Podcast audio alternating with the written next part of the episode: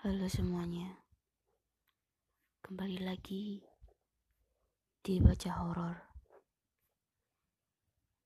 Baca horor kali ini kiriman dari Ed Rizal underscore Setiawan yang berjudul Menantang Penghuni Sumbing. Dan inilah ceritanya.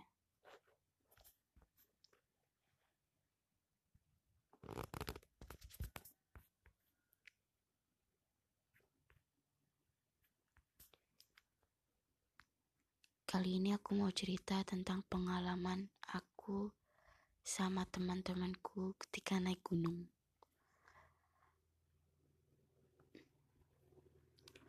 Cerita ini berlatar belakang di tahun 2016, di mana aku lagi semangat-semangatnya mendaki. Agenda kali ini kita rencana akan berangkat berenam. Aku bersama teman-temanku sebut saja Anto, Jotir, Dawir, Vita, Dea. Semua adalah nama samaran. Dan aku yang lebih akrab dipanggil Icong. Hari Sabtu jadi puncak, Cong, kata si Anto. Ya jadilah, aku udah packing dari jauh-jauh hari nih, sahutku. Biar tambah rame, aku ajak Jotir, Dawir, Vita, Karudea ya, sambungku. Dah pokoknya kamu atur aja lah, jawab Anto. Sehari sebelum hari H, mereka semua aku suruh kumpul untuk bahas tentang liburan kami di akhir bulan. Mau muncak ke mana sih ini? kata Jotir. Setelah ngobrol ngalor, ngalor ngidul akhirnya kita sepakat buat naik gunung Sumbing. Jangan lupa pamit sama orang tua ya, kata Dea menjadi penutup obrolan kami kali ini. Hari H pun tiba. Kita semua bertemu di suatu tempat yang kita rencanakan. Sudah siap semua, kataku. Dia ke mana ya? Tanya Dawir. Ya nggak lah, kamu pikir aku bapaknya, kata Jotir. Dia gak dibolehin sama orang tuanya, tegas Vita. Aku aja nggak pamit tetap berangkat, pokok los kak rewel, canda Jotir. Jotir ini emang anak, Jotir ini emang orangnya gak ada akhlak kalau kata orang Jawa menungso ora toto. Akhirnya kita sepakat berangkat berlima. Di sela-sela obrolan kami terdengar dering telepon. Setelah dicek ternyata Dea mengirim pesan yang isinya, Hati-hati ya semua, maaf aku gak jadi ikut. Sekarang malam satu suro, ibuku punya firasat gak enak, jadi aku gak dibolehin sama ibuku. Pas banget ini, kata Dawir. Maksudmu apa? Tanya Anto. Jangan aneh-aneh Jangan aneh-aneh di gunung, Wir, tegas Vita. Aku udah punya firasat gak enak atas perkataan Dawir tadi. Mengingat dia nekat banget rela ngelakuin apa pun demi sesuatu yang dia mau. Kita berangkat dari rumah pukul 11 siang, menggunakan sepeda motor tanpa ada kendala apa pun. Sesampainya di base camp, kita istirahat sebentar sambil mengurus si Maxi. Ada berapa rombongan pal yang mendaki hari ini? Tanyaku kepada petugas setempat. Hari ini sedikit mas, cuma ada tiga rombongan. Sudah naik tadi pagi, jawabnya. Yang kemarin ada banyak, yang kemarin mendaki ada banyak pak, tanya Anto. Ya lumayan rame sih mas, tinggal dua rombongan yang belum turun. Tapi di sini tercatat turun hari ini jelasnya. Waktu menunjukkan pukul 2 siang. Kami bersiap untuk trekking siang itu, kemudian berdoa, dan itulah awal mula hal buruk menimpa kami. Kita sepakat untuk totalitas alias tidak menggunakan jasa ojek sampai di pos 1.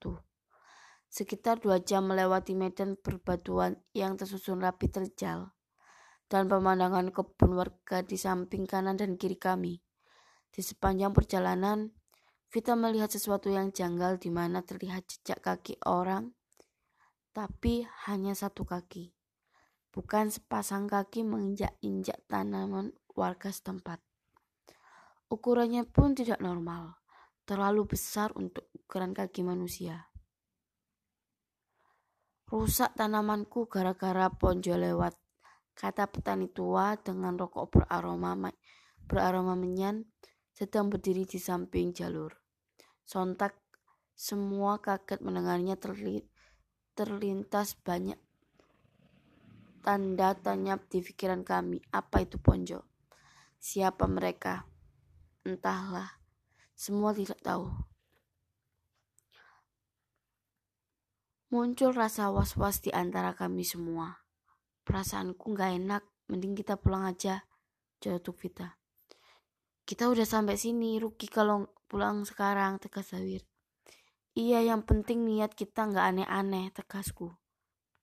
Sekitar sekitar pukul 4, kami tiba di pos 1. Kami memutuskan untuk istirahat sembari sholat asar dan ngopi dan, dan ngopi plus ngerokok. Ketika situasi sudah mulai aman, kami memulai perjalanan kami kembali. Kini sudah mulai terlihat suasana hutan jauh di depan kita.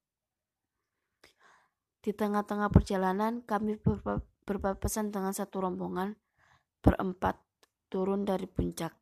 Syukurlah, gunung ini nggak terlalu sepi pikirku saat itu.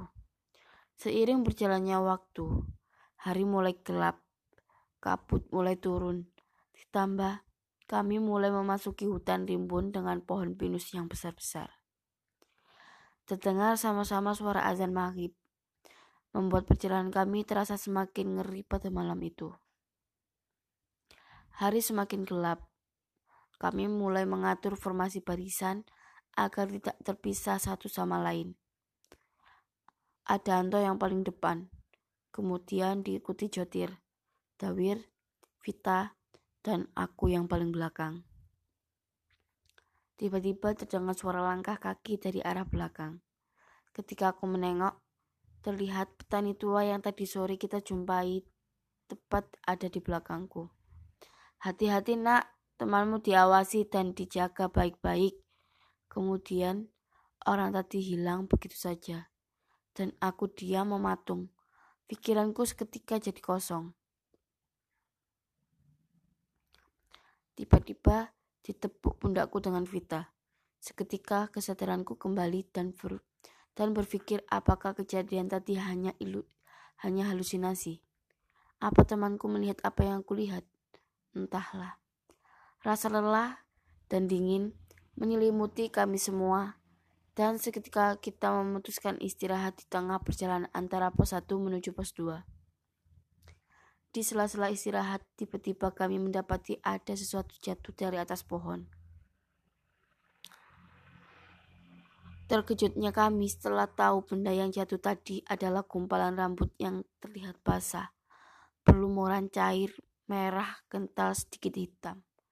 Kami semua melihat kejadian itu, tapi kami berlagak seolah-olah tidak ter tidak terjadi apa pun agar pendakian ini tetap dalam situasi aman. Yuk, lanjut lagi. Ada yang mantau kita nih kayaknya, kata Anto. Toh, kamu belakang ya, gantian aku yang depan, kataku. Sampai pos-pos aja ya, nanti ganti posisi lagi, sahutnya. Posisi berganti. Aku sekarang depan, kemudian diikuti Jotir, Dawir, Vita, dan Anto posisi belakang. Singkat cerita, setelah berjalan kurang lebih satu jam, Aku melihat samar ada banyak orang memakai baju serba putih, duduk melingkar seperti orang sedang mengaji. Tepat berada di pos-pos yang ada di hadapanku.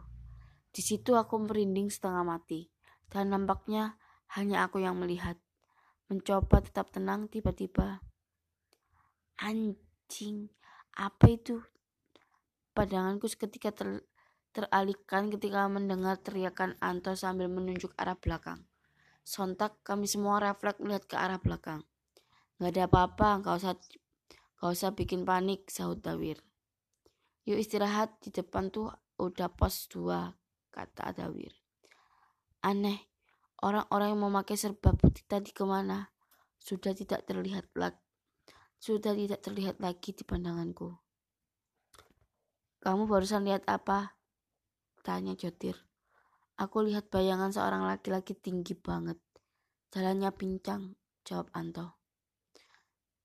Sekarang buka tenda di sini, di pos 2. Besok langsung pulang, kata Vita dengan nada ketakutan. Gak mau kita harus sampai puncak, Saudawir. Gak bisa kita sampai sini aja. Dari awal trekking, dari awal trekking ini udah gak sehat, tegas Anto. Sana kalau mau pulang, aku harus sampai puncak kali ini, kata Dawir dengan nada agak emosi. Di sela-sela perbincangan kita yang semakin kacau, terlihat dari kejauhan ada serombongan pendaki berjumlah tiga orang yang akan naik. Tuh ada rombongan lain, gimana kalau kita bareng mereka aja, biar makin rame, kataku. Mau naik mas? Aku menyak aku menyapa salah satu pendaki tadi. Iya, jawabnya. Bareng ya mas? Boleh sahutnya. Rombongan kami depan ya, nanti rombongan masnya ngikutin dari belakang, jelasku. Singkat cerita kami semua melanjutkan perjalanan. Trek ini berganti, yang tadinya hutan lebat kini berganti menjadi jurang dan tebing tinggi di samping kanan dan kiri. Kami berjalan menuju pos 3 sekitar jam 2, jam 8 terus berjalan selama dua jam.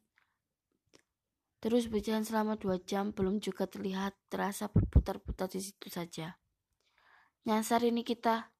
Dari tadi jalan kok nggak ketemu pos tiga, kata Jotir. Mana ada kita ngikutin jalur dari tadi, saut Vita. Kami semua menaruh curiga terhadap Dawir, di mana hanya dia yang merasa tenang soal Allah tidak terjadi apa-apa. Tiba-tiba terlihat dari sebelah kanan kami, tepatnya dari tepi jurang terlihat sosok anak kecil merangkak, naik melewati jalur, lalu berlari ke atas tebing. Wajahnya pucat, bola matanya terlihat besar dan berwarna hitam. Di sekitar kantung matanya sempat menatap kami sebentar lalu tersenyum menyeringai. Kami semua panik.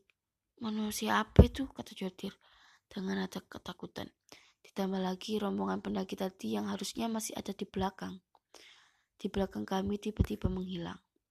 Semakin kacau pendakian. Malam ini ditambah lagi Vita tiba-tiba menangis karena ketakutan. Tanpa kita sadari, jam sudah menunjukkan pukul 12 malam. Terlihat remang-remang cahaya lampu tenda dari pendakian lain. Terasa sunyi sekali malam hari itu. Terlihat tenda-tenda pos berikutnya. Betapa kagetnya kami saat melihat pelang terbuat dari papan kayu yang bertuliskan pos 4. Udah sampai pos 4 kita, kata Dawir. Emangnya kita udah ngelewati pos 3? Tanyaku. Udah gak usah dipikirin. Kita buka tenda aja di sini, tegas Anto. Kami sepakat buka tenda di pos 4. Setelah tenda setelah tenda jadi, tiba-tiba Dawir bilang, Dah sekarang tidur besok summit jam 5 pagi. Kita masak dulu lah lapar ini kata Vita. Ah nggak lapar aku kata Dawir. Dan kemudian kami berempat masak di luar tenda. Tanpa Jotir yang langsung tidur. Setelah masak selesai kami langsung tidur. Kami tidak langsung tidur. Mengobrol di luar tenda sambil ngopi dan bercanda ngalor ngidul. Eh, Kalian berasa aneh gak sih sama pendakian kali ini? Kata Jotir. Dawir aneh banget gelagatnya. Dia yang paling semangat banget buat ke puncak. Sambur, sambung Anto. Padahal dari pos 1 kita udah pengen pulang ya. Tapi seolah-olah kita dituntun pelan-pelan kalau dilihat dari kejadian tadi. Tambahku. Rasanya capek banget malam ini ya, kata Vita. Kamu sih naik gunung malah bawa kapal. Canda Jotir. Kok kapal? Tanya Vita. Ya kapal api kan. Kita semua ketawa atas candaan Jotir. Di tengah-tengah tawa kami terdengar suara tawa yang sangat asik. Eh, kalian dengar nggak? Kata Jotir. Belum sempat menjawab pertanyaan Jotir tiba-tiba. Terlihat dari kejauhan ada sosok berkain putih kotor. Terlihat jelas sosok itu berambut panjang berantakan. Mukanya hancur dengan rahang hampir terlepas sambil ketawa dan tangan kanannya menunjuk ke arah kami. Sontak kami semua lari ke dalam tenda tanpa memikirkan alat-alat masak dan matras yang ada di luar tenda. Berharap malam itu cepat berlalu. Kami semua memaksakan diri untuk tidur. Malam itu badai bertiup kencang. Nampaknya hanya aku dan Anto yang susah tidur malam itu. Cong, aku pengen buang air, kata Anto. Ya sana di luar, masa ya pipis celana, saatku. Ya anterin bentar lah, takut aku kalau sendirian, jelas Anto. Masa ngantuk? Terdengar suara tenda terbuka. Ya, Anto keluar sendirian untuk buang air kecil. Selang beberapa waktu terlihat kembali Anto memasuki tenda dengan wajah pucat dan badan, dan badan gemetar. Tanpa menjelaskan apa pun, Anto hanya diam duduk di dalam tenda dengan pandangan yang kosong. Tiba-tiba terdengar suara langkah pendaki yang baru datang, membuka tenda tepat di samping kanan tenda kami. Karena tidak bisa tidur, aku pun ingin keluar tenda keluar tenda untuk mengobrol dengan pendaki yang ada di luar. Mereka pasti belum tidur, pikirku. Terkejutnya aku ketika keluar tenda terasa sunyi, tidak ada pendaki lain yang sedang memasang tenda. Hanya ada sosok pria tua dengan rokok beraroma menyan. Tidak asing dengan sosok itu, ya aku sudah pernah melihat dia sebelumnya. Saya sedang tidak menerima tamu, kalian semua pulang aja. Sesajen, pria tua itu bicara kepadaku. Belum sempat dia menyelesaikan bicaranya, terlihat harimau besar menerkam pria tua tadi dari belakang. Aku bergegas masuk ke dalam tenda karena ketakutan lihat apa barusan. Kata Ant. Lihat apa barusan? Kata Anto. Aku diam aja. Aku waktu mau buang air tadi lihat ponjo, tambahnya. Tahu dari mana itu ponjo, kataku. Kamu pasti ingat dengan pria tua yang kemarin. Dia bilang ponjo, sama persis dengan apa yang barusan aku lihat. Badannya tinggi, besar, kakinya hanya satu. Lehernya terlihat bengkok ke kiri jelasnya. Sosok itu hanya bilang tumbal. Suaranya terdengar berat. Matanya melotot, terlihat senyum tipis di ujung bibirnya tambahnya. Tidak lama setelah itu bunyi alarm mulai berdering. Waktu sudah menunjukkan jam 5 pagi. Kita semua bangun. Wir, coba lihat isi tasmu. Kataku yang sudah menaruh curiga sejak awal. Enggak, enggak. Kita kan udah bawa barang sendiri-sendiri. Sendiri-sendiri. Ngapain kita lihat punya orang? Sahut Dewi dengan nada agak agak tinggi. Ah, banyak bacot kamu, Wir, kata Jadir yang tanpa basa-basi langsung menggeledah isi tas Dawir. Terkejut kami terkejut kami ketika melihat barang bawaan Dawir terkes, terkesan aneh, yaitu bumbu kuning, bunga semacam buat ritual, kemenyan, dan ada batok kelapa. Ditambah lagi terdapat terdapat foto Dea yang ada di tas tersebut. Kamu udah gila ya, Wir? Kata Vita yang kaget melihat ini semua. Oh, jadi ini yang buat kamu harus sampai puncak. Cuma mau bikin sajian di pinggir kawah. Terus kamu mau kita semua jadi tumbal. Kamu gak waras, Wir, kata Anto. Tampaknya Dawir mulai tersudut. Oke, aku jujur. Sebenarnya aku ke sini mau cari pelet. Aku mau balas dendam dengan Dea dan keluarganya, jelas Dawir. Sakit hati aku, mereka gak pernah menghargai orang lain. Itu juga alasan kenapa aku gak sama dia lagi. Karena orang tuanya gak setuju, tambahnya.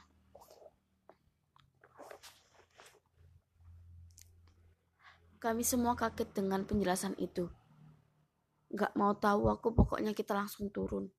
Gak usah nerusin buat samit. Aku gak mau ketemu malam lagi di gunung ini, tegas Vita.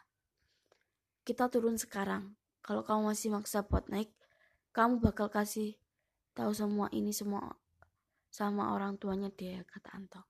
Akhirnya kita semua sepakat buat turun.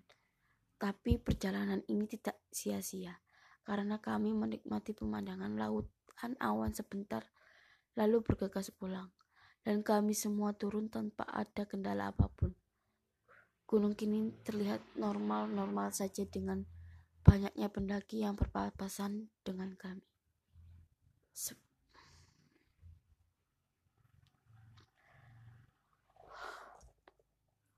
Dan akhirnya pun mereka pulang dengan selamat.